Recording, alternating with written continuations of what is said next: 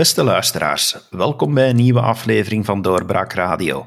Ik ben uw gastheer David Geens en mijn gast vandaag is professor Maarten van Steenkisten. Hij is motivatiepsycholoog en we praten uiteraard over de motivatie die er nog eh, is bij sommige mensen of die bij anderen eh, zoek is in deze moeilijke coronatijden en in deze lockdown. Welkom, professor. Hartelijk dank. Eh, goedemiddag. Professor, ik ga inderdaad beginnen met wat ik zei in mijn inleiding.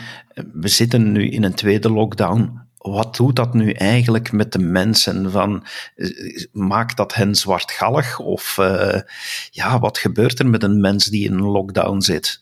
Ja, ik denk toch dat deze lockdown een weerslag zal hebben op het welbevinden van velen onder ons. Tijdens die eerste lockdown hebben we een veerkrachtige reactie getoond. We was iets nieuw in zekere zin. Eh, we hebben eigenlijk een aantal dingen uh, opnieuw weten waarderen. De natuur bijvoorbeeld. Ehm, misschien ook wel buren, dat we lange tijd minder contact mee hadden. Op een andere manier in het leven gestaan. Allee, er was zo dat we minder op de rem moesten staan. Er was een soort rustpauze. Maar vandaag, uh, denk ik, ja, met de winter die er ook is, zou het voor een aantal onder ons wel moeilijker kunnen zijn dan voordien. Uh, het is ook zo dat onze energiereserve die normaal gezien in de zomerperiode wordt uh, voor een stuk aangevuld, dat onze batterijen minder dan anders kunnen aangevuld worden. En als we eigenlijk spreken over ja, die energiebatterij, wat geeft er ons energie? Vanuit de motivatiepsychologie zeggen we dat er een aantal cruciale behoeftes zijn, eh, psychologische behoeftes, die beter voldaan zijn op dat we eigenlijk energie hebben en het leven ook als betekenisvol ervaren. En dat gaat eigenlijk over uh, behoeftes aan autonomie, verbondenheid en competentie. En om de, de metafoor te maken, iedereen weet maar al te goed dat we moeten eten en drinken om fysiek te kunnen overleven, uh, om te kunnen groeien, uh, voor kinderen bijvoorbeeld. En we zeggen eigenlijk als psychologen bestaan vergelijkbare psychologische behoeftes die even fundamenteel zijn voor onze mentale gezondheid en onze motivatie. En dus in dat opzicht, autonomie betekent dat we het gevoel hebben dat we ergens zelf keuzes kunnen maken, dat we onszelf kunnen zijn, dat we onze mening doet ertoe, um, we worden nog serieus genomen. Terwijl autonomie frustratie zou betekenen, ik voel me in een keursleef geduwd. En ik denk dat vandaag toch wel wat mensen dat gevoel hebben. Als we kijken naar de data dat we ook verzameld hebben tijdens deze crisis, als onderdeel van onze motivatiebarometer, dan zien we eigenlijk dat autonomie de meest bedreigde behoefte is. Ehm, op dit moment, denk ik, gemiddeld gezien, haalt die zelfs meer naar de frustratiezijde. Dus om dat wat scherp te stellen, we hebben het gevoel dat we een beetje in een gevangenis uh, zitten, we worden in een keursleef geduwd. En dat gaat ons niet altijd even goed af, natuurlijk. Um, maar dat is autonomie. Lang. Een tweede behoefte is, is eigenlijk een behoefte aan verbondenheid, um, warme, hechte contacten met andere mensen opbouwen het feit dat je het gevoel hebt dat anderen om je geven. Maar ook, en dat vind ik toch wel belangrijk in, in deze crisis, het feit dat je kan zorg dragen voor anderen. Ehm, en ik denk dat we vandaag daar, of in de eerste lockdown, ook mooie voorbeelden hebben van gezien. Eh, de applausacties bijvoorbeeld, ehm, waarbij dat mensen zich zeer solidair opstellen met de gezondheidszorg. Dit zorgt eigenlijk ook voor een extra uh, verbondenheid met het grotere project. Ik denk dat we vandaag ook naar dergelijke voorbeelden moeten gaan zoeken het feit dat bijvoorbeeld de VRT ook eh, met, samen met Studio Brussel de warmste week daar ook helemaal aan weet, aan de wederzijdse zorg voor elkaar, zijn, zijn krachtige voorbeelden. En de idee is uh, ja, dat die meer kunnen groeien, ook in, in bijvoorbeeld een wijk of in een vereniging, waar mensen zorg kunnen dragen voor elkaar. Um, of bijvoorbeeld ook uw dankbaarheid kunnen tonen ten opzichte van iemand anders. Dus dat is verbondenheid en ten, ten slotte heb je ook competentie, het gevoel van bekwaam te zijn. Uh, dat je deze crisis bijvoorbeeld nog de baas kan, dat je niet helemaal overrompeld wordt door negatieve gevoelens van, van onzekerheid, van angst. Um, maar ook het feit dat je bijvoorbeeld op dagelijkse basis nog je, je taken goed kan verrichten. Um, en natuurlijk is het zo dat voor zij die vandaag uh, bijvoorbeeld tijdelijk werkloos zijn, dat, dat dat een belangrijke bedreiging vormt van hun competentiebehoeften ze kunnen hun vaardigheden niet meer langer ontwikkelen. Die staan even onhold. En, en dat knaagt natuurlijk uh, bij mensen. Dus het idee is dat je probeert om maximaal tegemoet te komen aan deze basisbehoeftes in deze uh, crisisperiode. Dat is natuurlijk wel makkelijker gezegd en gedaan. Maar het is toch wel een houvast om na te denken over wat eigenlijk de voedingsbodem is van ons welbevinden vandaag. Is het dan nu moeilijker om veerkrachtig te zijn omdat het de tweede lockdown is, omdat het al een tweede keer is en dat er nu meer het gevoel komt van, ja, gaat dit ooit wel eindigen? Wel, ik denk inderdaad dat perspectief bieden aan mensen vandaag uitermate belangrijk is. Ehm, en in dat opzicht, ja, vanuit de expertsgroep Psychologie en Corona, waar ik zelf toe behoor, hebben we al meer, meerdere maanden gepleit voor de introductie van die barometer, die epidemiologische barometer die voortdurend al in de koelkast zit eigenlijk. En het is jammer dat, dat die er eigenlijk niet is gekomen, ook als een preventieinstrument, om te vermijden dat we vandaag in deze lockdown terechtkomen. Omdat het idee van de barometer is dat we eigenlijk een fasering duidelijk maken naar de mensen. Er zijn verschillende alarmfases. En iedere alarmfase gaat gepaard met een ander risiconiveau. En in, in functie van dus de alarmfase waarin dat je in zit, ga je ook andere maatregelen treffen. En in dat opzicht hou ik zelf niet van de term ehm, strenge maatregelen of soepele maatregelen of versoepelingen. Maar eigenlijk gaat het over risicobeperkende maatregelen. Dat zijn maatregelen die afgestemd zijn op het risiconiveau waarin dat we zitten in de epidemie. En dus als je dit instrument lanceert, je maakt het dus duidelijk waar zitten we. Het zou vandaag voor iedereen duidelijk zijn dat we in fase 5 zitten dan leidt dat tot een gemeenschappelijke uh, visie omtrent ook de, het, de fragiliteit van de situatie, dat we vandaag ook nog die inspanningen moeten blijven brengen, maar het zou ook perspectief geven. Wat is er nu nodig om bijvoorbeeld naar een fase 4 of 3 te evolueren?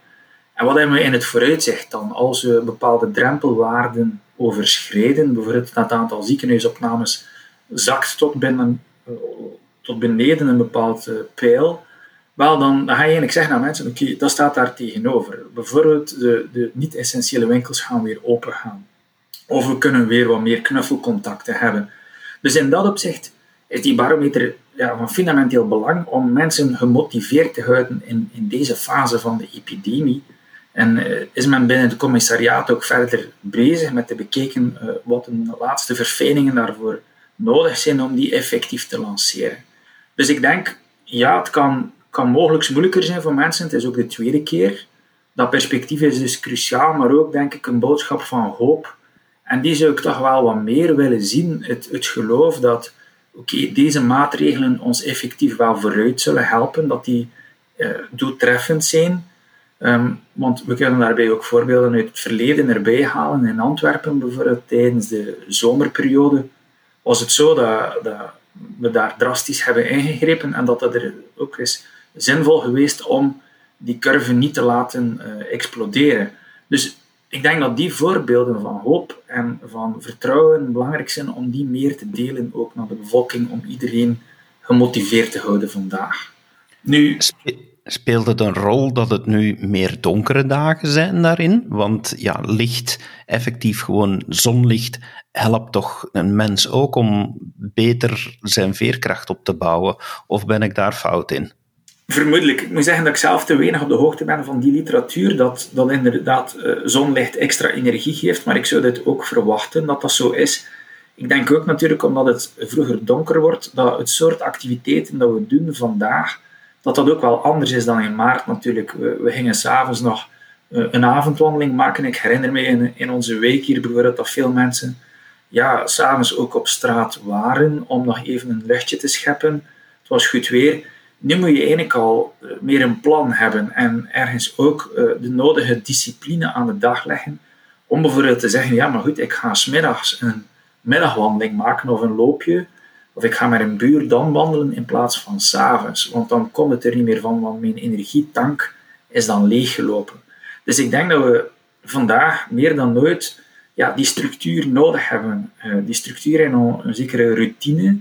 Um, op sociaal vlak, maar ook fysieke activiteit. En dat helpt er ook voor, die routine helpt er ook in uh, dat we eigenlijk onze competentiebehoeften beter voldaan krijgen. Door, door dingen in te plannen en het gevoel dat we dingen gedaan krijgen, voelen we ons bekwaam uh, om inderdaad met de huidige situatie om te gaan. Dus ja, ik denk wel dat, dat, in opzicht het feit dat er minder daglicht is, dat dat de zaak bemoeilijkt. Langs de andere kant moet je ook zeggen dat in, tijdens de eerste lockdown we bijvoorbeeld geen knuffelcontacten hadden. De bibliotheken waren ook gesloten. Ehm, dus vandaag zijn die open. Vandaag mag je nog een knuffelcontact hebben. Dat knuffelcontact is belangrijk voor onze verbondenheid. Die, die bibliotheken, daar kan je ook eh, misschien je interesse wat kwijt in het lezen. Goed, dat zijn misschien wat kleine zaken.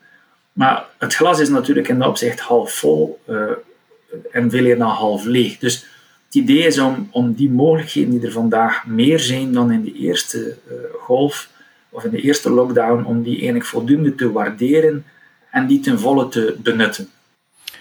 U gaf een aantal voorbeelden aan van wat kan helpen. Ik vind daar heel opvallend dat u ook zegt van ja, het feit dat we kunnen zorg dragen voor elkaar, dat we solidariteit kunnen betuigen.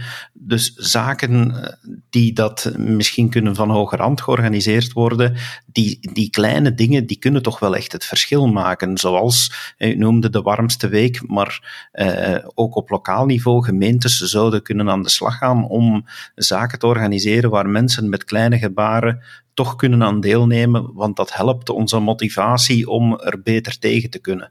Absoluut. Ik denk dat het uh, zeer waardevol is om zo'n acties op touw te zetten op gemeentelijk, op lokaal vlak.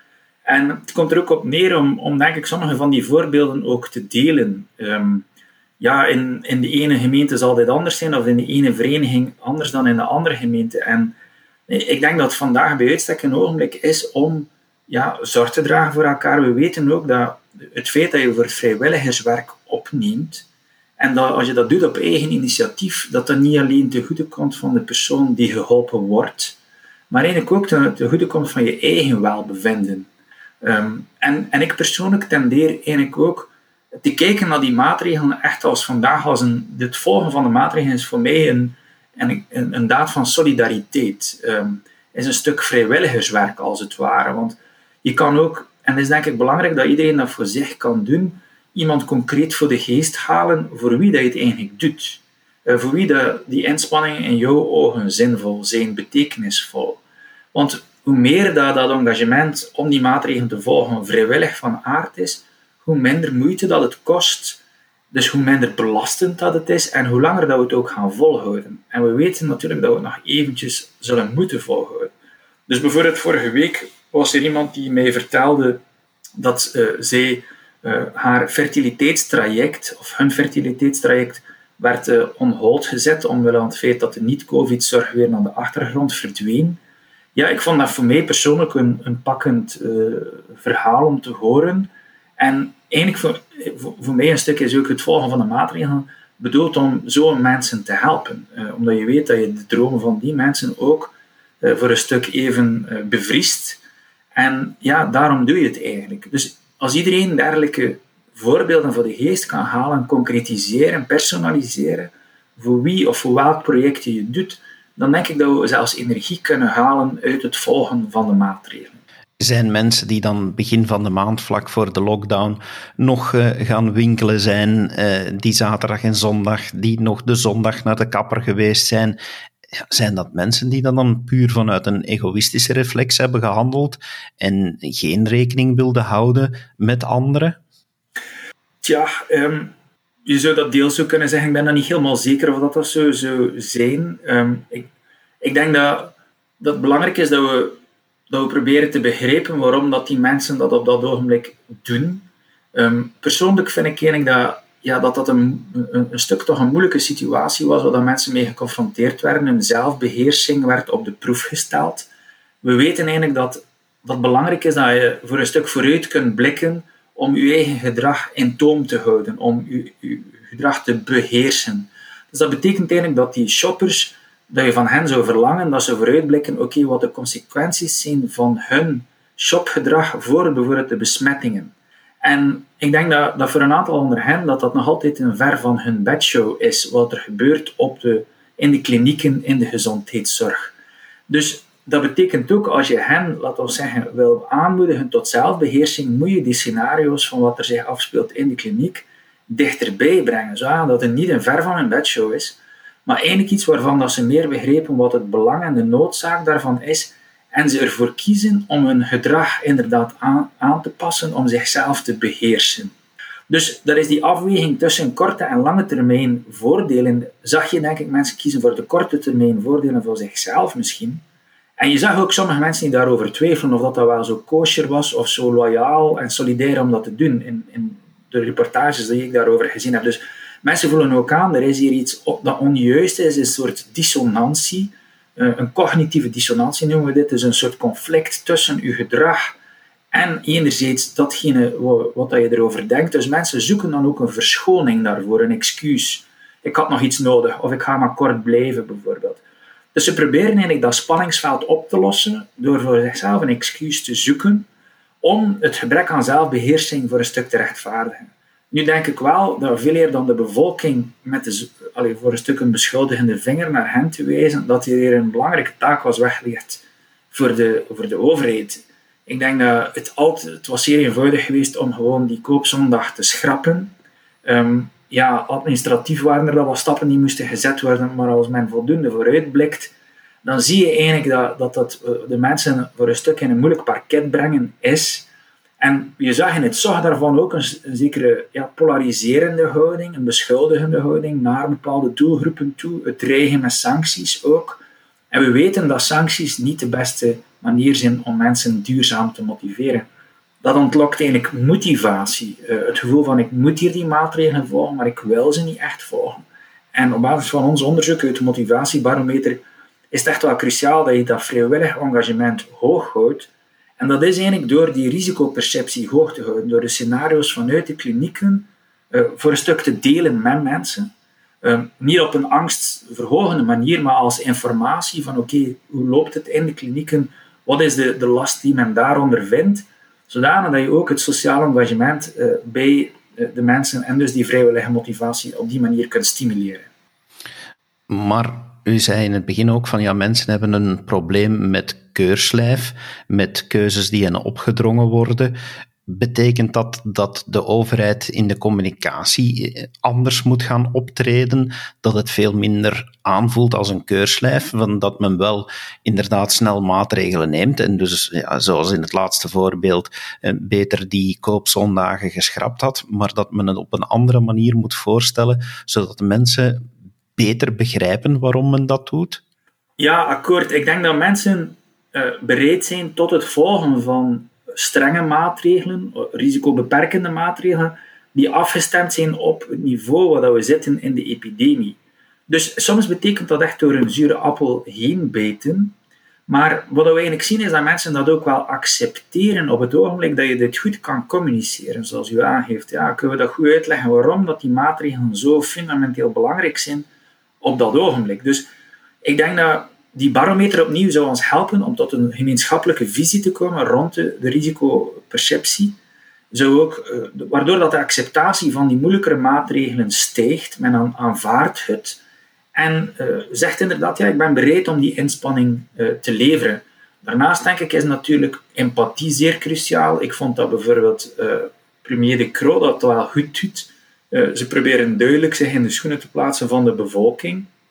In onze data zien we ook dat de communicatie van de nieuwe regeringsploeg als meer motiverend wordt ervaren dan door de voormalige regering Wilmes. Dus maar empathie is cruciaal, een boodschap van vertrouwen um, in de effectiviteit van die maatregelen, een goede duiding voor het waarom van die maatregelen, waarom zijn die nu zo essentieel, um, waartoe dragen ze bij? En men sprak dan bijvoorbeeld ook over de kernwaarden in onze samenleving, uh, zijn de gezondheidszorg, voor een stuk vrijwaren, um, de scholen open houden, economie, dat zijn kernwaarden. En dat zijn dingen waar veel van ons ons mee kunnen vereenzelvigen. En dus in dat opzicht denk ik dit ook naar voren schuiven is, is belangrijk als strategie om motiverend te werken. Tegelijkertijd is helderheid natuurlijk ook zeer cruciaal. Helderheid en eensgezindheid in die boodschap die men brengt. En dat was denk ik iets wat de voorgaande regeringen toch het wel moeilijk mee hadden. Uh, veel, er was altijd na iedere persconferentie veel communicatie. Nadien communicatie moest bijgesteld worden. Dit zorgt voor onzekerheid, verwarring. En dat is slopend zoiets. Dus langs de ene kant heb je helderheid nodig van wat dat je nodig hebt, maar ook het waarom van die maatregelen en dus de empathische, wervende communicatie, het alluderen op die solidariteit, één ploeg, eh, één team, is zeer cruciaal om iedereen aan boord te houden. Maar ook de media kunnen daar dan een belangrijke rol in spelen door middelen aan te reiken, door tips aan te reiken om mensen eh, net gemotiveerd te houden op die punten die u reeds noemde. Ja, ik denk inderdaad dat de, dat de media uh, kunnen proberen om voldoende positieve voorbeelden te delen. Hetgeen dat we daar straks ook zeiden, bijvoorbeeld over mooie uh, acties van vrijwilligerswerk of solidariteit die groeien in gemeentes. Waarom zou je niet iedere dag een andere gemeente in de kijker zetten, bijvoorbeeld in je krant? Um, of waarom zou je niet bijvoorbeeld in studentenverenigingen ook mooie verhalen die daar bestaan meer aandacht geven? Ik heb het gevoel dat we nogal focussen op die groepen die het inderdaad die een loopje nemen met de maatregelen. En ja, die, die krijgen dan bijzonder veel aandacht, terwijl dat, ook maar een fractie is van die doelgroepen. Denk aan bijvoorbeeld uh, inderdaad uh, in de Overpoort, uh, waar de studenten op de eerste, in de eerste week van het academiejaar inderdaad allen naartoe, allen, een deel trekt daar naartoe. Maar, maar natuurlijk, de, de communicatie daarover is wel overtrokken, denk ik. Dus we zijn ook bezig geweest in gesprekken met de VRT, waar men bijvoorbeeld in programma's, en die komen er ook aan, meer aandacht zal geven aan de persoonlijke verhalen van mensen. Hoe gaan zij om met de maatregelen vandaag? Waarom zijn ze nog gemotiveerd? En hoe slagen we erin om, om bijvoorbeeld toch eh, creatief een, een weg te vinden in, uh, in, in, de huidige situatie? Waarbij natuurlijk die autonomie, die verbondenheid, die competentie, dat zijn die basisbehoeftes, dat is de zuurstof van onze motivatie. Als we daar goede voorbeelden van kunnen delen, kan dat inspirerend zijn voor anderen. En ik denk dat de media daar ook een steentje kan toe bijdragen. We laten ik als journalist meteen maar proberen te helpen en u de vraag te stellen: hoe kunnen we zelf individueel of als gezin aan de slag gaan thuis om ons toch beter te voelen, om die motivatie, om die veerkracht op te krikken? Hebt u een aantal concrete tips die we allemaal kunnen toepassen? Wel, ik denk dat één, iets dat belangrijk is in, in deze tijden ook van telewerk, dat is dat je je dag uh, goed structureert. Dat je ook een goed onderscheid probeert te maken tussen werk en uh, familiaal leven. Dus dat betekent ook goed in de tijd dat afbakenen wanneer dat je werkt. Ook ruimtelijk proberen dat af te bakenen.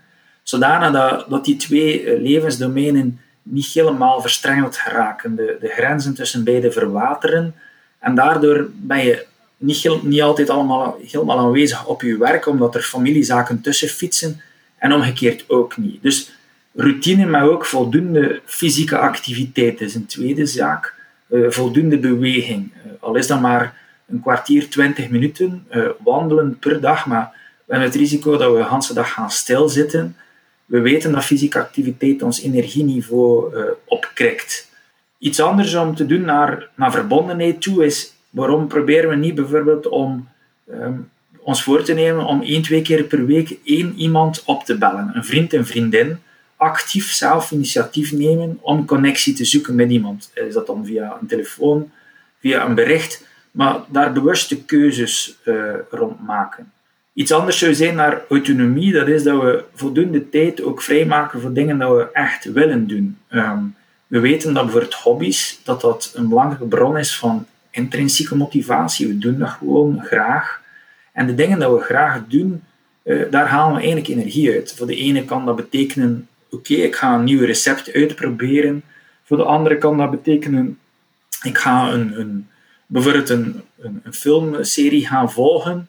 Um, voor iemand anders is dat lezen. Dus dat kan zeer variabel zijn, maar, maar eigenlijk voor een stuk tijd vrijmaken voor hobbytijd uh, is cruciaal om ook uh, energie daaruit op te doen. Dus dat zijn denk ik een, een aantal tips. Um, en natuurlijk denk ik, dat ik daar straks ook zei, probeer te kijken naar, naar deze crisis als een, als een opportuniteit om eigenlijk, uh, laten we zeggen, ons van onze meest prosociale zijde te, te tonen. We kunnen ons ergeren en storen aan het feit dat die maatregelen zijn, dat die ons autonomie beknotten. Maar als we het uiteindelijk zien als een, als een moment waar we allemaal gemeenschappelijk in één project zitten, ja, dan denk ik, geeft dat ook een gevoel van verbinding toch met iedereen. Uh, in dat opzicht is dat een soort unieke project. Dat klinkt misschien wat, wat zweverig, uh, wat, wat, soft, maar, maar tegelijkertijd zijn deze omstandigheden uniek, uh, laten ze ons misschien ook toe om dichter te komen bij de waarden die we echt hoog in het vaandel dragen zelf. Want het is vanuit het gemis van de zaken die we normaal gewoon zijn om te doen, dat we beter beseffen wat waardevol is in het leven en dat we eigenlijk ook dichter komen bij wat we soms noemen ons intern kompas. Eh, een intern kompas die als een soort leidraad fungeert in het maken van beslissingen. Dus als u deze periode zou zien als een periode over een soort zelfbezinning, om dichter te komen bij wat je zelf wil, wil je nog die job echt beoefenen? Welke hobby's zijn essentieel? Welke relaties mis je echt? Wel, dan kom je eigenlijk dichter bij jezelf en sta je meer authentiek in het leven ook nadien duidelijke tips die u daar geeft, professor Van Steenkisten. Dank u wel voor uw inzichten en voor deze tips. Onze luisteraars zullen daar veel aan hebben. Graag gedaan. En u, beste luisteraar, ga zeker aan de slag met deze tips. Blijf eh, niet zomaar langs de kant zitten. Eh, gebruik deze eh, mooie momenten die er ook wel zijn om elkaar te steunen en deze moeilijke periode door te komen. Wij van Doorbraak willen daar alleszins bij helpen. Dank u wel dat u geluisterd hebt en graag tot de volgende keer. Dit was een episode van Doorbraak Radio, de podcast van doorbraak.be.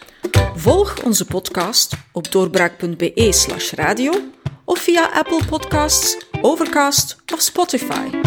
Bezoek ook onze website op doorbraak.be en steun ons door een vriend te worden van Doorbraak.